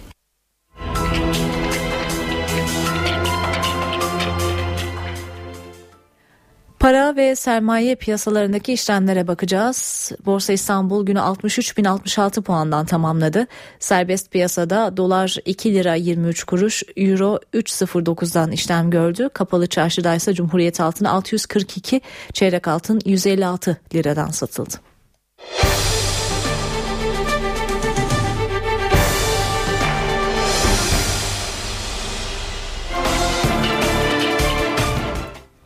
Erik ağaçları çiçek açtı. Silifke'nin Göksu Vadisi köylerinde örtü altında hasalı yapılan ilk eriklerin kilosu da 100 liradan satışa çıktı. Keben köyünde 21 yıldır çiftçilik yapan Zeynel Topçu'ya ait bir dönümlük serada üretilen yaklaşık 300 kilo erik 100 gramlık kaselere konularak kilosu 100 liradan İstanbul, Ankara ve İzmir'e gönderildi. Amerika Birleşik Devletleri'ndeki Türk yoğurt firması Çobani'nin %20'lik hissesi satışa çıkarıldı. Türk girişimci Hamdi Ulukaya ülkedeki yoğurt piyasasının %40'ına hakim olan Çobani'nin %20'lik hissesi için 2,5 milyar dolar istiyor. Çobani'nin satışları geçen yıl bir önceki yıla göre %30 artarak 1 milyar doları aşmıştı. Evini, iş yerini veya arsasını satmayı planlayanlar sıradaki haberimiz sizin için diyoruz. Gayrimenkul değerlendirme sistemi değişiyor. Uzun süredir hazırlıkları süren çalışmada sona gelindi. Peki ne olacak? Gayrimenkul fiyatları nasıl belirlenecek? NTV Ankara İstihbarat Şefi Ahmet Ergen ekonomi günlüğünde bu sorulara açıklık getirecek. Ahmet seni dinliyoruz. Nasıl bir sistem gelecek, nasıl bir yeni düzenlemeyle uygulama değişecek? Bu sorunun yanıtını vermeden önce neden böyle bir değişikliğe ihtiyaç duyuldu? Belki mevcut sistemde ne tür e, sıkıntılı durumlar ortaya çıkıyor? Bunu anlatmakta fayda var. E, şu andaki uygulamada bilindiği gibi e, başvurulan bazı yöntemler var. Örneğin 150 e, bin liralık bir evin e, daha düşük tapu harcı ödenmesi için tapudaki bedeli e, bu fiyatın altında gösteriliyor. Ya da bankadan daha yüksek kredi almak için 100 bin liralık bir evin değeri daha yüksek gösterilebiliyor. Bu da hem gelir kaybına devlet açısından vergi ve harç geliri kaybına yol açıyor hem de kayıt dışı ekonomi kapsamında önemli bir başlık olarak değerlendiriliyor. Aslında Maliye Bakanlığı 2008 yılı Haziran ayından sonra bütün banka kredileri ve tapu e, bedelleri üstünden bir karşılaştırma çapraz değerlendirme yapmış ve yüz binlerce kişiye ilave e, vergi çıkarmıştı. E, böyle bir uygulamaya da başvurmuştu. Yine aynı tarihte Dünya Bankası ile Çevre ve Şehircilik Bakanlığı Tapu e, Kadastro Genel Müdürlüğü bir protokol imzalamıştı ve bu değerleme sisteminin uluslararası standartlara uyarlanması için e, bir e, adım atılmıştı. İşte o çalışmada sona gelindi. Bundan sonra düşük harç bedeli ödenmesine yol açan, vergi kaybına yol açan mevcut sistem değişecek ve e, gayrimenkuller e, ev ve araziler alım satımda 50 parametrenin devrede olduğu bir değerlen, değerleme sistemine göre fiyatları belirlenecek. Söylediğimiz gibi 50 başlık olacak ama belki en öne çıkanları en e, çok üstünde durulacakları söyleyelim. E, değerlemede gayrimenkulün hastane, okul, metroya uzaklık yani e, toplu taşıma araçlarına ya da e, günlük yaşamda sıklıkla başvurulan noktalara uzaklık yakınlıkları değerlendirilecek. Ana cadde üzerinde olup olmadığı kat izni ve ilave iman hakkı göz önünde e, bulundurulacak ve e, bu kapsamda sadece Tapu Kadastro Genel Müdürlüğü değil Sermaye Piyasası Kurulu'ndan Maliye Bakanlığı'na kadar birçok kurum devrede olacak. Birçok Avrupa ülkesinde de uygulanan bir sistem bu. 2008 yılı Ağustos ayında Dünya Bankası ile protokol imzalanıp çalışmalar başlamıştı. Tapu ayağındaki, Tapu Kadastro Genel Müdürlüğü ayağındaki çalışmalar tamamlandı. Sermaye Piyasası Kurulu ve Maliye Bakanlığı'nın da hazırlıkları tamamlamasının ardından bu yıl sonu itibariyle yeni sistemle uygulamanın başlaması planlanıyor. Ahmet Ergen teşekkürler. Değerli dinleyenler saat 18.30 NTV Radyo'da eve dönerken haberlere devam ediyoruz. Öne çıkan haberlerin satır başlarıyla devam edelim. Ergenekon'da tahliye dalgası sürüyor. Bugün 12 sanık için daha tahliye kararı çıktı. Berkin Elvan yaşam mücadelesini kaybetti. Acı haber bu sabah geldi. Gezi eylemleri sırasında başından yaralanan küçük çocuk yoğun bakımdan çıkamadı. Berkin yarın İstanbul'da toprağa verilecek. Ölüm haberinin ardından Türkiye'nin farklı illerinde protesto gösterileri düzenleniyor. Parlamento kapalı ancak partiler boş durmuyor. CHP 4 eski bakan hakkındaki fezlekelerle ilgili Meclis Genel Kurulu'nu 18 Mart'ta olağanüstü toplantıya çağırdı. Ana muhalefet o günkü oturumda fezlekelerin okunmasını istiyor. Bir oğul annesine kurşun yağdırdı. Kadına şiddet bu kez adliye önünde gerçekleşti. Saldırıda anneyi korumakla yükümlü polis de şehit oldu. Avrupa Parlamentosu Türkiye raporunu görüşüyor. Hazırlanan metnin son yılların en eleştirel raporu olduğu ifade ediliyor. Ankara'ya yargı alanında ciddi uyarılarda bulunuyor. Satır başlarını aktardık. Kısa bir aramız var. Ardından yeniden birlikte olacağız.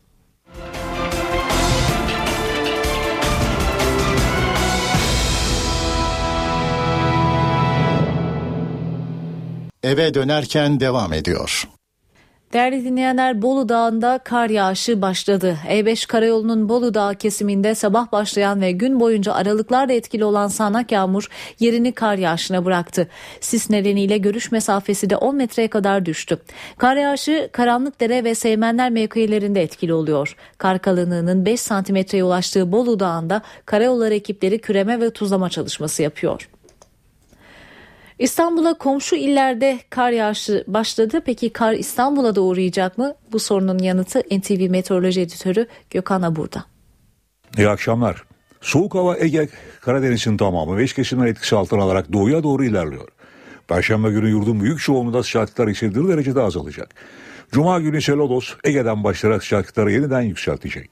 Yarın Trakya ve Kıyı Ege dışında yurdun büyük çoğunluğunda yine yağış var. Yağışlar havanın daha da soğumasıyla Marmara'nın doğusu, Karadeniz'in iç kesimleri, İç Anadolu, karla ve karla karışık yağmur ve kar. Gece saatlerinde ise doğuda kara dönecek. Akdeniz ve Güneydoğu'da ise sağanaklar devam edecek.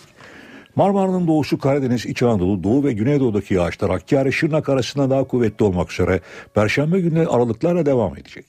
Cuma günü batı ve iç kesimlerde yağış beklemiyoruz. Güneydoğu'da daha kuvvetli olmak üzere doğudaki yağışlar ise etkisini giderek sürdürecek. Evet genel duruma baktığımız zaman İstanbul'da yağış yarın hafif olarak devam edecek. Sıcaklık ise gündüz 8 gece 6 derece olacak. Hava cuma günü açacak. Ankara bulutlu hafif kar yağışı bekliyoruz. Sıcaklık ise gündüz 4 gece 0 derecenin altına inecek. İzmir'de hava açıyor ama oldukça soğuk ve rüzgarlı. Sıcaklık gündüz 12 gece 6 derece olacak. Hepinize iyi akşamlar diliyorum. Hoşçakalın.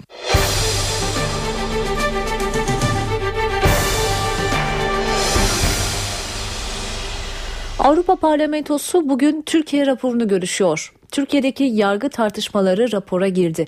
Brüksel'den bu konuda Ankara'ya sert uyarılar olduğu bildiriliyor. Ayrıntıları NTV Strasbourg muhabiri Kayhan Karaca'dan alacağız. Kayhan genel çerçeveden bakıldığında Türkiye raporunun son yıllardaki en eleştirel rapor olduğu ifade ediliyor.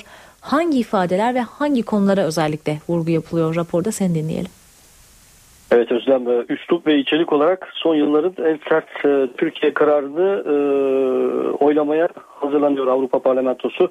Parlamentonun e, genel kurulunda yaklaşık e, yarım saat sonra başlayacak Türkiye oturumu ve bir saat sürmesi bekleniyor. E, oturuma Avrupa Birliği dönem başkanı Yunanistan adına e, Avrupa İşleri Bakanı Dimitris Kurkulas ve Avrupa Komisyonu adına e, genişlemeden sorumlu temsilci e, Stefan Füle de e, katılacak.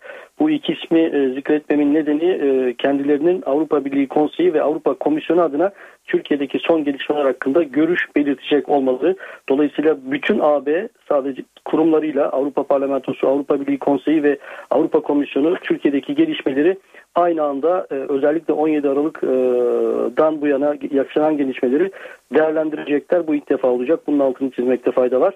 E, bu rapor e, ya da karar tasarısı Avrupa Parlamentosu'nun 2009-2014 yasama döneminin de son kararı olacak. Bunun altını çizeyim. Avrupa Parlamentosu'nda 2007 yılından bu yana Türkiye raportörlüğü yapan Ria Oomen Ruiten Hollandalı parlamenterinde son Türkiye raporu olma özelliğine sahip. 15 sayfalık e, yaklaşık 70 paragraftan oluşan e, bu Türkiye raporunda ön plana çıkan unsurlar e, rın başında 17 Aralık sonrası Türkiye'de yaşanan tartışmalar geliyor ki bunların başında da yolsuzluk iddiaları ile ilgili olanları var. Bu iddiaları soruşturmakla görevli savcı ve polislerin görevlerinden alınması eleştiriliyor raporda bağımsız yargı ilkesine aykırı bu durum deniyor ve Türkiye'ye e, üyesi olduğu Avrupa Konseyi'nin e, ve üyesi ve tarafı olduğu Avrupa Konseyi yolsuzluk sözleşmelerine uyma yükümlülüğü hatırlatılmakta Türk hükümetine.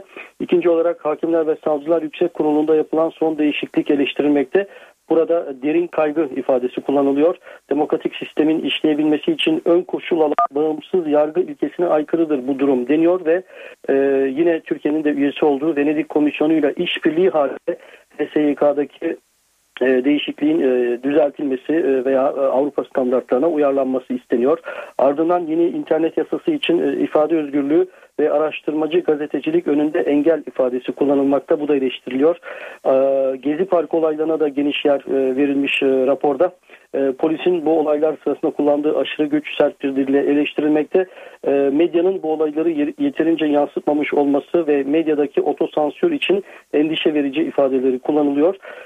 Kürt sorununa çözüm için Türk hükümetinin başlattığı süreç e, destekleniyor e, Avrupa Parlamentosu tarafından ve e, Türkiye'de muhalefet partilerine de bu sürece destek vermesi çağrılarında bulunuluyor. Ardından Kıbrıs'ta başlatılan yeni müzakere sürecine de destek var. Tüm bu ifadeler aslında Türkiye'nin Avrupa Birliği ile yürütmekte olduğu katılım müzakerelerini e, gölgede bırakmış e, durumda. E, Türkiye'nin üyeliğinden, olası üyeliğinden hiç bahsedilmiyor raporda. Buna karşılık yargı ve temel haklarla ilgili 23, adalet, özgürlük ve güvenlikle ilgili 24. başlıkların açılması isteniyor. Enerji konusunda da Türkiye'nin Avrupa Birliği'nin enerji e, politikalarına dahil edilmesi gerektiği görüşü e, nitelenmekte, e, belirtilmekte e, raporda. E, rapora ek olarak 25 e, değişiklik önergesi de hazırlandı. Bu önergeler yarın öğle saatlerinde genel kurulda yapılacak oylamada oylamaya sunulacak e, karar tasarısıyla beraber Özlem. Ayhan Karaca teşekkürler. Değerli dinleyenler Kırım dünya gündeminin üst sıralarında yer almayı sürdürüyor. Yerel parlamento bugün toplandı ve 16 Mart'ta bölgenin statüsünün belirleneceği referandumdan Ukrayna'dan ayrılık kararı çıkarsa bağımsızlık ilan edeceğini duyurdu. Ukrayna'da parlamento tarafından görevden azledilen eski devlet başkanı Viktor Yanukovych de Rusya'nın Rostov kentinde konuştu. Kendisinin hala meşru cumhurbaşkanı olduğunu savunan Yanukovych, Kırım'ın Ukrayna'dan ayrılma noktasına gelmesinden yeni yönetimi sorumlu tuttu. Almanya Dışişleri Bakanı Walter Steinmeier, Rusya'nın hafta sonuna kadar Ukrayna politikasını değiştirmemesi halinde Avrupa Birliği'nin Moskova'ya yönelik önlemlerin ikinci aşamasını ele alacağını söyledi.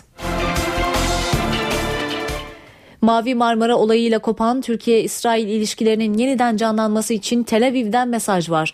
İsrail Başbakanı Benjamin Netanyahu Anadolu Ajansı'nın sorusu üzerine Türk halkına mesajım Türkiye ile eskiden olduğu gibi ilişkilerimizin iyi olmasını istediğim yönünde dedi. Netanyahu yakın zamanda bir uzlaşı olacak mı sorusuna umuyorum olacak yanıtını verdi. İsrail basınında Türkiye ve İsrail'in Mavi Marmara baskınında ölenlere tazminat miktarı konusunda anlaşma sağlandığı, Netanyahu'nun bu anlaşmayı imza atmasının beklendiği yönünde haberler çıkmıştı. UNICEF'in raporuna göre 3 yıldır iç savaşın sürdüğü Suriye'de 10 binden fazla çocuk yaşamını yitirdi. 3 milyon çocuk da mülteci kamplarında yaşıyor. Suriye çocuklar için dünya üzerindeki en tehlikeli yerlerden biri. Tespit Birleşmiş Milletler Çocuklara Yardım Fonu UNICEF'e ait. UNICEF Suriye'de 3 yıldır süren iç savaşta 10 binden fazla çocuğun yaşamını yitirdiğini açıkladı. Rapora göre savaş şu ana kadar 5,5 milyon çocuğu etkiledi. Evlerini, okullarına geride bırakan 3 milyon çocuk mülteci kamplarında yaşam mücadelesi veriyor. Ancak UNICEF'in raporuna göre savaşın Suriyeli çocuklarda açtığı yara bununla sınırlı değil. 2 milyondan fazlasının psikolojik desteğe ihtiyacı var. 4 ila 5 yaşındaki çocuklar Suriye'yi hatırlıyor. Oldukça korkmuş ve ürkek durumdalar. 3 yaşın altındaki çocuklarsa Suriye'yi hatırlamıyorlar. Onlar daha sosyal ve korkusuz. Rapora göre 300 binden fazla Suriyeli çocuk da yardım ekiplerinin ulaşamadığı abluk altındaki bölgelerde yaşıyor. Yani Allah'ıma varif. Buraya gelmeden önce en büyük endişem çocukların hasta olmasıydı. Ne doktor ne de ilaç bulabiliyorduk. Hele çocuklar saldırılar sırasında hastalanırsa yapacak hiçbir şeyiniz yok. Raporda çocukların çatışmaların ortasına sürüklendiğine de dikkat çekiliyor. 15 yaşından küçük erkek çocukların dahi eline silah verilerek çatışmaya gönderildiği belirtiliyor. 239 yolcusuyla birlikte kaybolan uçağa aramalar sürüyor. Ancak hala sonuç yok. Arama yapılan alan genişletildi. Malezya Hava Yolları'na ait yolcu uçağı içindeki 239 kişiyle günlerdir kayıp. Birçok ülkeden onlarca gemi ve uçakla sürdürülen arama çalışmalarından hala bir sonuç çıkmış değil. Uçakla son bağlantının gerçekleştiği Malezya ile Vietnam arasındaki bölgede arama çalışmalarının alanı genişletildi. Uçakla irtibatın kesildiği bölgeyi arıyoruz. Bugün de aradığımız bölgeyi genişleteceğiz. Araştırmalarını yoğunlaştıran Malezyalı yetkililer uçakta belirlenen sahte pasaportlu iki kişinin terör saldırısı düzenleme ihtimalini yüksek görmüyor. Dört ihtimal üzerinde duruyoruz. Kaçırma, sabotaj, yolcuların ya da mürettebatın psikolojik problemi veya yolcularla mürettebat arasında kişisel problem. Uçaktakilerin yakınları ise öfkeli. Öncelikle bu uçak nerede? Uçağı bulmak için neler yapılıyor? Kaçırıldıysa bu durumla nasıl mücadele edecekler? Havacılık tarihinde benzer olaylar kayıtlarda yer alıyor.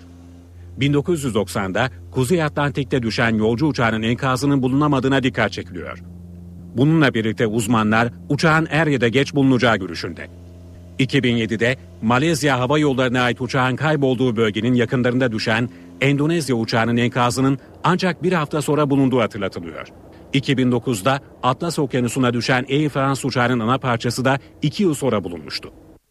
Japonya deprem, tsunami ve nükleer felaketin 3. yıl dönümünde kurbanlarını anıyor. Felaketin üzerinden 3 yıl geçmesine rağmen evlerine dönemeyenler var. 3 yıl önce Japonya'yı sarsan deprem, tsunami ve nükleer felaketin kurbanları anıldı. Başkent Tokyo'daki anma törenine Başbakan Shinzo Abe ile Japon İmparatoru da katıldı. Törende hayatını kaybedenler için bir dakikalık saygı duruşunda bulunuldu. Kurbanların ruhlarını rahatlatabilmek için yapabileceğimiz tek şey yeniden inşa sürecini hızlandırmak. Böylece evlerini terk edenler normal hayatlarına geri dönebilir. 9 büyüklüğündeki depremin ardından 30 metre yüksekliğindeki dev dalgalara teslim olan ülkenin kuzeydoğusunda da tören düzenlendi. Afetzedeler felakette yaşamını yitirenlerin mezarını ziyaret etti. Felaketin yıl dönümünde nükleer enerji bir kez daha protestoların hedefindeydi. Tokyo'da bir grup Enerji Bakanlığı önünde gösteri düzenledi. Radyasyon seviyesinin hala yüksek olduğu Fukushima'da da eylem vardı. Başbakan güvenli olduğunu söylüyor ama bu doğru değil. Radyasyonlu su reaktörden sızmaya devam ediyor. Hala sığınaklarda yaşayan ya da evlerine dönemeyen 130 bin kişi var. Burada hiçbir şey düzelmedi. 11 Mart 2011'deki deprem, tsunami ve nükleer felakette 19 bin kişi yaşamını yitirmiş, ülkenin kuzeydoğusunda büyük bir yıkım meydana gelmişti. NTV Radyo'da eve dönerken haberler devam edecek ama şimdi saat başına kadar bir aramız var ardından tekrar sizlerleyiz. Eve dönerken devam edecek. Saat 19 eve dönerken haberlerde günün öne çıkan başlıklarını aktaracağız. Berkin Elvan yaşam mücadelesini kaybetti. Acı haber bu sabah geldi. Gezi eylemleri sırasında başından yaralanan küçük çocuk yoğun bakımdan çıkamadı. Berkin yarın İstanbul'da toprağa verilecek. Ölüm haberinin ardından Türkiye'nin farklı illerinde protesto gösterileri düzenleniyor. Merkez nokta Ankara. Kızılay'da toplanan gruba polis müdahale ediyor. Ergenekon davasında tahliyeler bugün de devam ediyor. Eski MGK Genel Sekreteri Emekli Orgeneral Tuncer Kılınç, Emekli Orgeneral Nusret Taşdeler ve eski rektör Kemal Alemdaroğlu tahliye olanlar arasında. İki günde hakkında tahliye kararı verilenlerin sayısı 33'e yükseldi. Tahliye olan Emekli Orgeneral Hurşit Tulonsa zirve yayın evi davasında da tutuklu olduğu için cezaevinden çıkamadı. Hakimler ve Savcılar Yüksek Kurulu Ergenekon davasında gerekçeli kararı 7 aydır yazmayan İstanbul 13. Ağır Ceza Mahkemesi hakkında inceleme kararı aldı. Gözler Adalet Bakanı'nda. Limanlardaki işlemlerde usulsüzlük iddiasıyla yürütülen İzmir merkezli operasyonda tutuklanan 15 zanlıdan 7'si adli kontrol şartıyla tahliye edildi. CHP 4 eski bakan hakkındaki fezlekelerle ilgili Meclis Genel Kurulu'nu 18 Mart'ta olağanüstü toplantıya çağırdı. Ana muhalefet o günkü oturumda fezlekelerin okunmasını istiyor. CHP'nin çağrısına MHP ve BDP'de destek verdiğini duyurdu. Fethullah Gülen İngiliz Financial Times gazetesinde yayınlanan makalesinde Türkiye'nin yeni bir anayasaya ihtiyacı olduğunu söyledi. Gülen hiçbir siyasi partiyi ya da adayı desteklemediğini söyledi. Aydın Kuşadası'nda çevre yolu yapımı sırasında kontrolsüz patlatılan dinamitler 10 kişinin yaralanmasına yol açtı. Patlamada çok sayıda araçla ev ve iş yerlerinin camları kırıldı.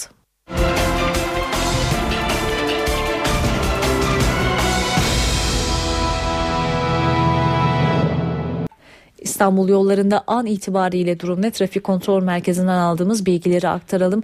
Boğaziçi Köprüsü Avrupa'dan Anadolu'ya geçişte yoğun akıcı, Avrupa'ya geçişlerde ise açık bir durumda. Fatih Sultan Mehmet Köprüsü Avrupa'dan Anadolu'ya geçişte şu an için durmuş durumda. Avrupa'ya geçişlerde de yine etkili bir yoğunluk söz konusu. Haliç Köprüsü ise Halıcıoğlu yönünde de Ayvansaray yönünde de yoğun olarak göze çarpıyor. Asya'da ve Avrupa yakasında yoğun olan noktaları da ardı ardına sıralayalım. Avrupa'da özellikle E5'te Topkapı'dan Yeni Bosna kavşağına kadar, Tem'de Hastal'dan Balta Limanı bağlantı yoluna kadar, E5'te Çağlayan kavşağından Ortaköy Viyadüğü'ne kadar, yine E5'te Küçükçekmece Belediyesi'nden Küçükçekmece kavşağına kadar, Tem Tekstilkent Bulvarı'ndan Mahmut Bey Batı kavşağına kadar yoğun olan noktalar yine Beşiktaş Karaköy sahil yolu, Büyükdere Caddesi, Barbaros Bulvarı, Sanayi Mahallesi, Haramidere'de Tem E5 bağlantı yolu, Bahçeşehir'den özellikle Esenyurt kavşağına kadar yoğun, Büyükdere Caddesi, Zincirlikuyu'dan Sanayi Mahallesi'ne kadar yine yoğun olan noktalardan. Asya yakasındaysa Samandıra kavşağından İmes Köprülü kavşağına kadar Tem'de bir yoğunluk göze çarpıyor. E5'te İdealtepe kavşağından Bostancı'ya kadar minibüs yolu Küçükyalı'dan Ethem Efendi'ye kadar yoğun olan noktalarda. Değerli dinleyenler yeni bir gelişmeyi de aktaralım. Ergenekon sanıklarından Veli Küçük, Fuat Selvi ve Levent Ersöz'ün tahliye talepleri bir üst mahkeme tarafından kabul edildi. Böylece dava kapsamında toplamda 36 kişi için tahliye kararı şu ana kadar alınmış oldu. NTV Radyo'nun yayını kısa bir aranın ardından Cem Dizdar ve Gürcan Bilgici'nin yorumculuğunu yaptığı Çift Forvet programıyla devam edecek. NTV Radyo